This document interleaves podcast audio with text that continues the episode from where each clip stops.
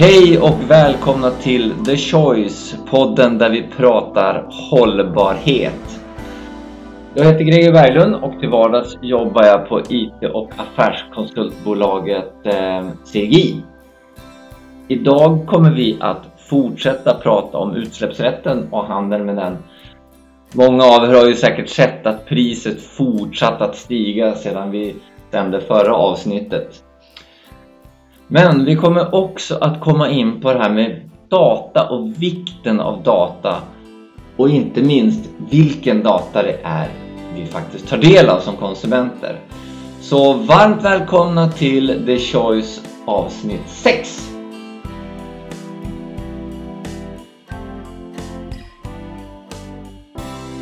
Ja men hej och välkomna igen. Nu sitter jag här tillsammans med mina underbara kollegor Hanne och Conny. Hur är läget med er idag? Det var bra med mig. Hur är det med dig Hanne? Men det är bara bra här också tycker jag. Ja, det, det här är så underbart. Vi, vi sitter ju faktiskt och spelar in detta i Spotify Green Room. Så att vi sitter ju på olika platser i landet men jag har er uppe här på, eh, på vår Teams-kanal också samtidigt. Så det är ju, om den här podcasten fortsätter här så kanske vi börjar liksom livesända det här också. Det hade ju varit helt underbart att ha lite lyssnare med på, på Greenroom här som kan komma med frågor och så. Jaha, men eh, julbestyr och sådär, hur ligger ni till?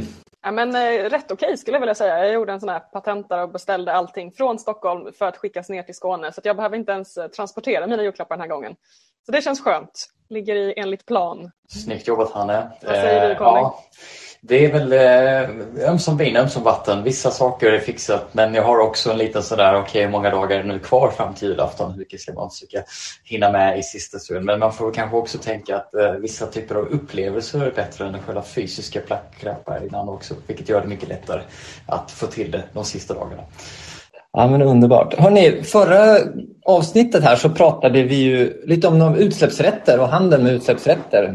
Och eh, vi kunde väl konstatera att det är ett, ett styrmedel för att arbeta med att få fram mer gröna innovationer istället för att bara fortsätta ösa på med, med, med koldioxidutsläpp. Man vill gynna, den, gynna de lösningarna där vi faktiskt drar ner på koldioxid redan när vi pratade det var mycket om att priserna på de här utsläppsrätterna det har gått upp väldigt mycket.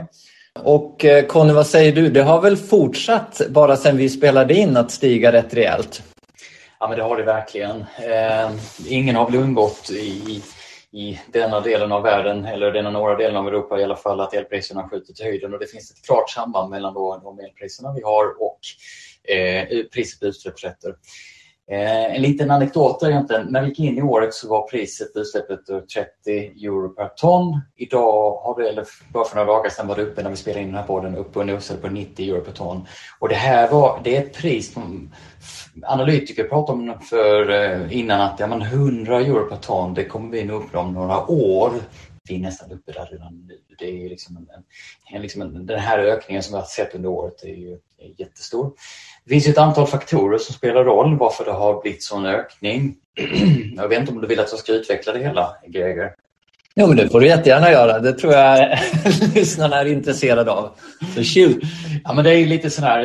Eh, vi har ju haft en, en, en, vi har ju hållit på med en klimatomställning eh, här och, och vilket innebär att Eh, dels har det varit lite kallare än vi kanske är vana vid och det har varit ganska vindstilla. Men framför allt är det priset på naturgas där det finns vissa politiska delar också som gjort att priset på naturgas har verkligen gått upp. Och med det så ökar också priset på utsläppsrätter men även det faktum att nu är elpriserna så pass höga för att man måste kompensera då med det här dyra och även då begränsade åtgången då på, på naturgas för att man inte haft så stora lager när man gått in i den kalla perioden genom att även då sätta igång eh, kolkraftverken som vi har runt om i Europa. Och det innebär också då att för, för de är ju lönsamma att köra igång de här, med de här dyrare spotpriserna på el. Och med en kolkraftverk som är inom måste också då betala för de utsläppsrätterna som finns. Så tillsammans har det pressat upp eh, eh priset på utsläppsrätter eh, ordentligt i de stora delarna som har hänt.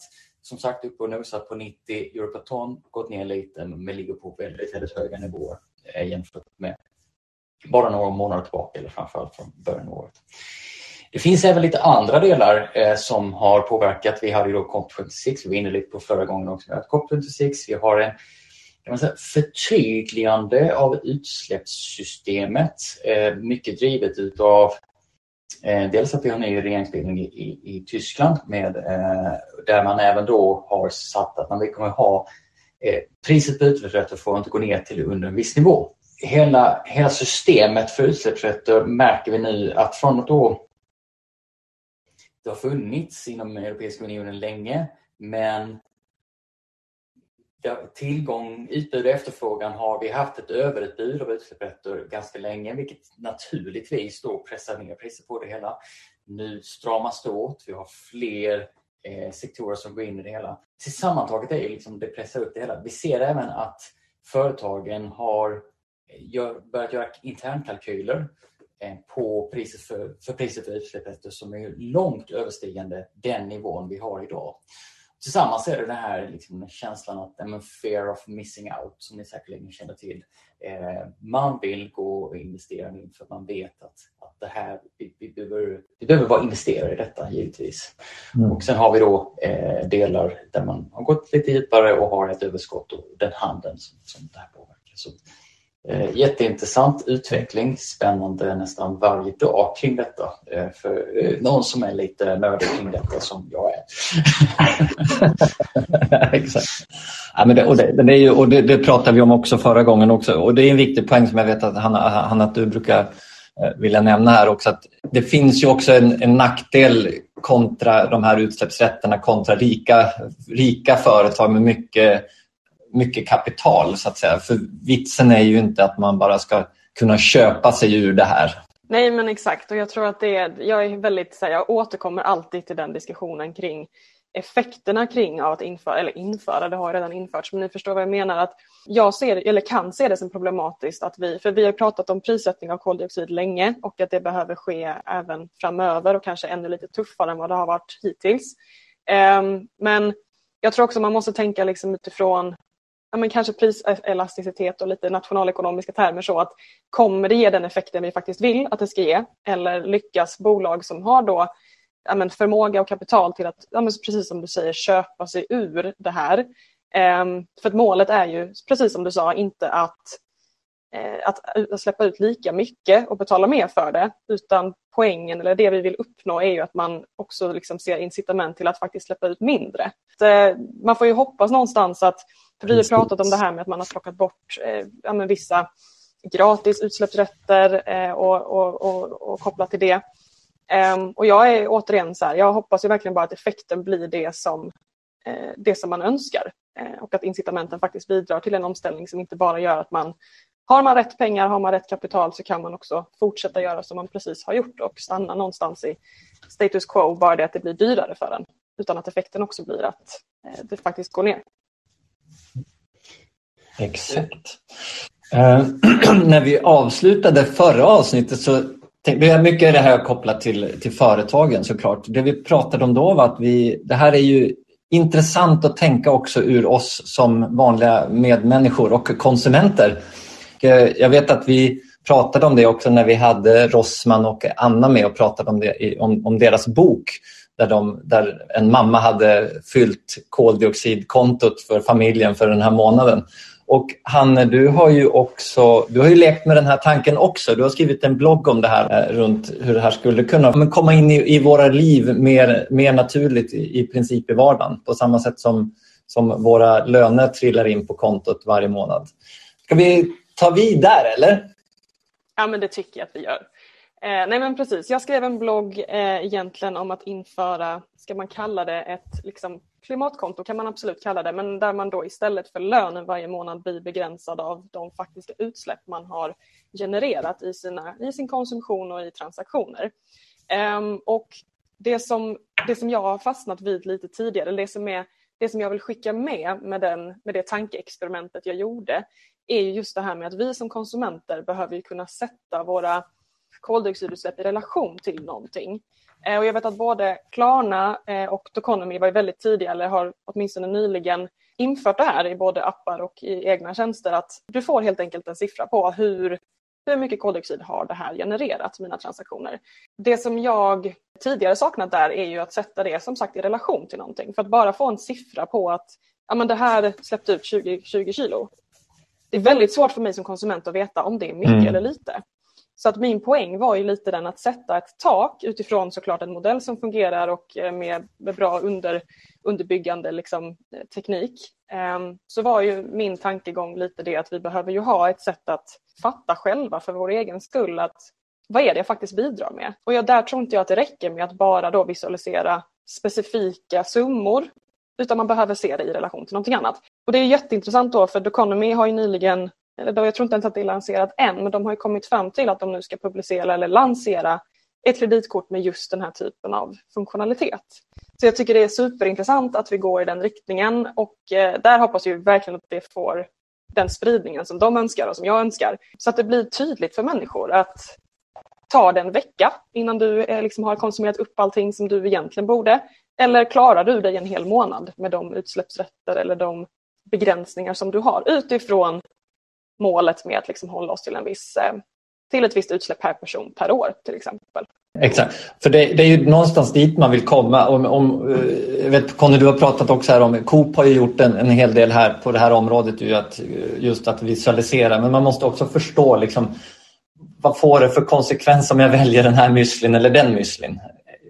Om det är 30 eller 40, det säger mig väldigt lite. Att det, det är helt rätt. Jag tror att vi måste landa där. Ja, för det är ju ett dilemma och just i dagarna när vi spelar in det här så förs det ganska mycket diskussion eh, kring eh, hållbarhetsredovisningar och hur bolagen väljer att redovisa sina utsläpp.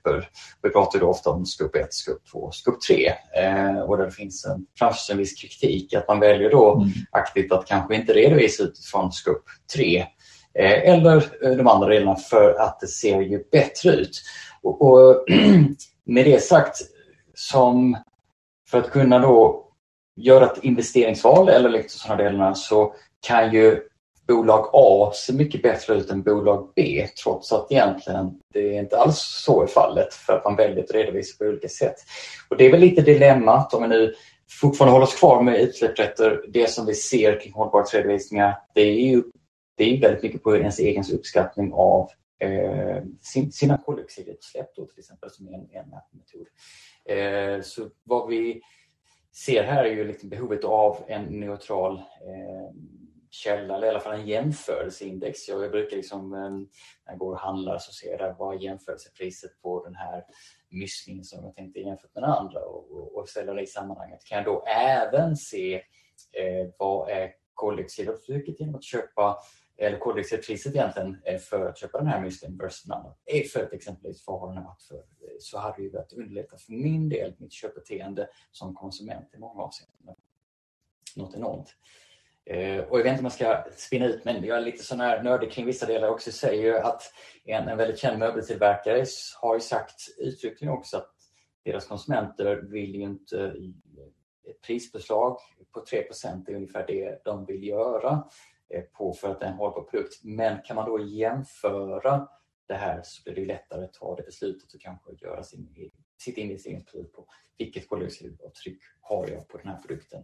Det, det, var en spaning från min sida. Vad säger, vad säger ni kring det? Nej, men jag kan väl absolut hålla med om att det är väl precis den typen av bakgrund eller kontext vi måste kunna befinna oss i för att kunna göra smarta val. Så jag håller helt med dig.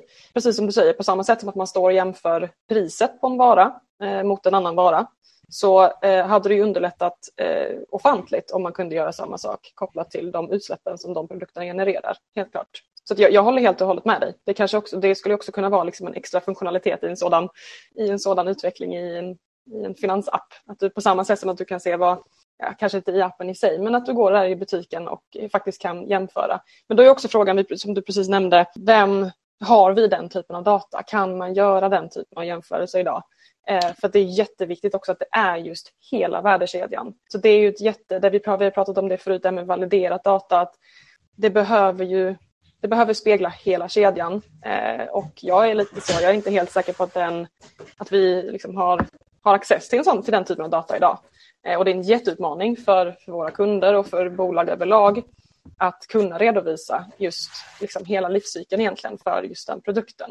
Men det är väl klart att i en idealvärld så hade det varit fullt möjligt att kunna eh, jämföra på samma sätt som pris fast med koldioxidutsläpp i, när du står i butiken och ska göra ett val. Definitivt. Exakt.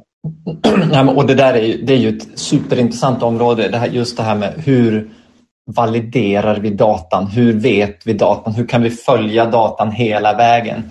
Och där är ju precis som du sa här Conny med de här hållbarhetsredovisningarna är ju, det är ju naturligtvis suveränt och det måste vi fortsätta med. Men en kritik som jag tycker är befogad här är ju liksom att man mångt och mycket själv, det är bolagen själva som säger att det är så här vi gör. Men vi, jag tror vi kommer att se tydligare trender mot att vi måste verkligen få det här validerat på ett helt annat sätt än vad vi gör idag. Det duger liksom inte att, att, att bara säga att ja, men så här tror vi. Liksom. Utan, eller vi, vi, vi, bedömer att det är så här, för här måste vi ha riktig data. Vi måste ha den hela vägen ner och det här är ett ganska massivt jobb. Det förstår vi själva liksom, när vi har komplexa produkter som en bil till exempel med alla, alla underleverantörer och, och tillverkare av, av, olika detaljer till höger och vänster. Mm. Men det här är ju en gigantisk utmaning som jag ser det. Just för att man ska kunna komma till det när vi konsumenter står där och ska göra ett, ett medvetet val så måste vi kunna lita på den data som visas. Vad, vad säger vi om det? Vad ser vi för trender där? Spontant det som jag får fram, eh, som en flitig läsare av The Economist så får jag fram ett, omslag för några år sedan där eh, data is the new oil och nu är det verkligen Eh, väldigt konkret här att det är datadrivet som är den nya oljan i dubbel bemärkelse för att det är så vi styr över till en mer eh, klimatanpassat samhälle. Eh, men samtidigt också, ja, men egentligen både investerare som konsument kan också göra korrekta köpbeslut som, som han har varit inne på. Vi får upp det här så vi vet att produkt A jämförs med produkt B på ett bra sätt och därmed så får vi vad, vad är klimatavtrycket på den här produkten på, på ett bra sätt. Min spaning är att vi fortfarande är i sin linda här med olika ramverk. Eh, vi har en ganska icke-reglerad marknad fortfarande. Eh, men vi går ju bara åt ett håll och det är ju någonting som desto mer det belyses i, i, kan man säga, i offentligheten desto viktigare blir det att inte man fuskar eller skönmålar eller greenwashar på olika sätt och hela för att det ska se bättre ut, för det funkar inte. Och, och det handlar ju egentligen som då mm. att ha koll på din data. Mm. Ja, ja men man tänker det, just den här greenwashingen. Det, man kan se det, jag tror det var idag eller igår som det kom det här med att nu ska musikindustrin då, där man har gått ihop i en gemensam pakt då, där man ska minska sin, sina utsläpp med 50 procent. Och det är ju fantastiskt. Men här gäller det också att, ja men hur, hur vet vi det då? Och det, det blir mm. jätteviktigt att man blir trovärdig i det. I det. Men jag tror att många som sticker ut hakan nu kommer också få stå upp till bevis lite längre fram. Så jag tror att man måste börja redan nu att säkra upp hur fasen jobbar vi med, med, med den här ol nya oljan, i, eller nya oljan, det här med att eh, data är olja har väl varit eh, använt här några år men den blir ur ett nytt, helt nytt perspektiv. Ja, men verkligen. Jag tror att vi, det här är ju någonting som vi trillar tillbaka till hela tiden. Jag skrev ju också en, en blogg om det här med tillförlitlig data eller estimat, men då var det mer kopplat till taxonomi. Men det blir ju någonstans, det gäller ju oavsett om vi pratar utsläppsrätter och transparent i individers bankapp eller taxonomin som då just den här bloggen handlade om. Men, och där var jag just lite kritisk till att, att rapportera eh, oavsett taxonomi eller inte, hållbarhetsredovisning eller inte, det handlar väldigt många gånger om just estimat, siffror som är någonstans benchmarkade någonstans. Men om, om vi ska ha en effekt som vi vill och om vi ska kunna bli klimatneutrala på det sättet som vi har kommunicerat, eh, då ställer jag ju mig kritisk till att man samtidigt då använder estimat på olika sätt. För att då är vi inte där, då når vi inte det målet vi vill. För vi kan inte, som vi pratat om mm. innan, vi kan inte validera det, vi kan inte veta om det överhuvudtaget stämmer. Så att det är klart att det här med liksom validering av data och korrekt data och transparens, vi kommer, det kommer dyka upp oavsett vilket, vilken standard eller oavsett vilket direktiv man, man tar till sig som bolag. Eh, och på samma sätt för konsumenterna. Vi behöver, det behöver vara korrekt hela vägen, hela kedjan, för att, eh, för att det ska vara någonting som är besluts, ett beslutsunderlag för mm. oss. Och vi kan väl säga det att där händer ju en hel del in, inom det området naturligtvis där det finns tredjepart validering av, av olika eh, livscykel och, produktdeklarationer och så vidare. Då. Där kanske inte någon av oss i det här avsnittet är direkt experter tillräckligt nog att uttala sig om det men det är väl möjligtvis ett ämne vi skulle kunna ha anledning att återkomma till längre fram tänker jag. Um, ja, jag tänkte på det, Tony du nämnde ju de här 3 procenten som eh, man var beredd att betala extra för en riktigt hållbar produkt. Vad, vad, vad, har ni för gränser här någonstans? Hur mycket är ni beredda att, att betala? Det är en bra fråga. Hanne, vill du börja? Du behöver tänka på det. Eller? Absolut, jag kan börja. Jag har inget bra svar på den frågan. Eh, alltså, mm, alltså 3 tycker jag, kan jag tycka ganska lite. Men eh, Oj, vad svårt. Um, jag, jag vet inte om jag kan säga en, en, specifik procentsats egentligen, men jag brukar tänka rätt mycket på... Jag är ju den personen som går där i butiken och kollar liksom, vilka textilier har använts och lite så. Och då är jag ganska, ja. jag är absolut eh, manad till att välja eh, någonting där jag känner att det här, det här har producerats på ett bättre sätt. Um, så svår fråga, men jag skulle nog absolut säga mer än 3 procent. Mm. det är bra. Conny då? Ja, men det är en, en knepig fråga och när jag fick tid att reflektera, tack Hanne, så skulle jag väl också säga att den ligger ju den ligger över 3 eh, och det är väl egentligen om man tittar på liksom utifrån konsumentköp, eh, dagligvaruhandeln. Ja, men jag tenderar att gå och lägga lite mer för den ekologiska matkassen, vilket gör ju, jag vet inte vad det kan vara, men säg kanske en, en 10-15 ligger väl en, kanske en, en merkostnad på en ekologisk vara eller något sånt där. Den gör definitivt repertoar av olika aspekter. Eh, skulle man liksom ta det djupare och titta liksom på, på produkter och prylar man köper Ja, det är betydligt svårare för där är liksom en, en, en där, där, finns det inte lika bra måttstock. En, en elbil kan inte jämföras med en fossilbil, den merkostnaden, för det är så många andra aspekter som ligger på den där.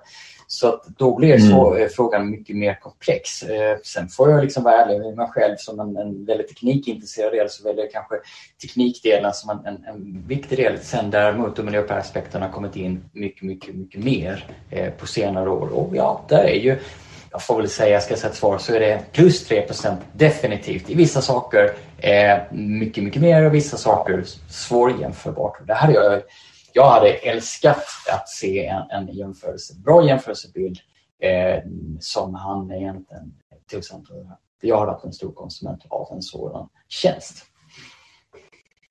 Nej, men jag, jag håller helt med. Jag slipper själv, själv svara på frågan då, men jag, jag, är nog ungefär som er här, att jag absolut kan ha mer än 3% Och jag skulle jättegärna vilja se just den här jämförande eh, så att jag förstår vad mina, vad mina inköp och vad mina val egentligen innebär. Jag tänker att vi rundar av här och eh, jag ser ju jättemycket fram emot att fortsätta. Det här blir väl sista avsnittet eh, det här året så jag tänker att vi på återseende nästa år.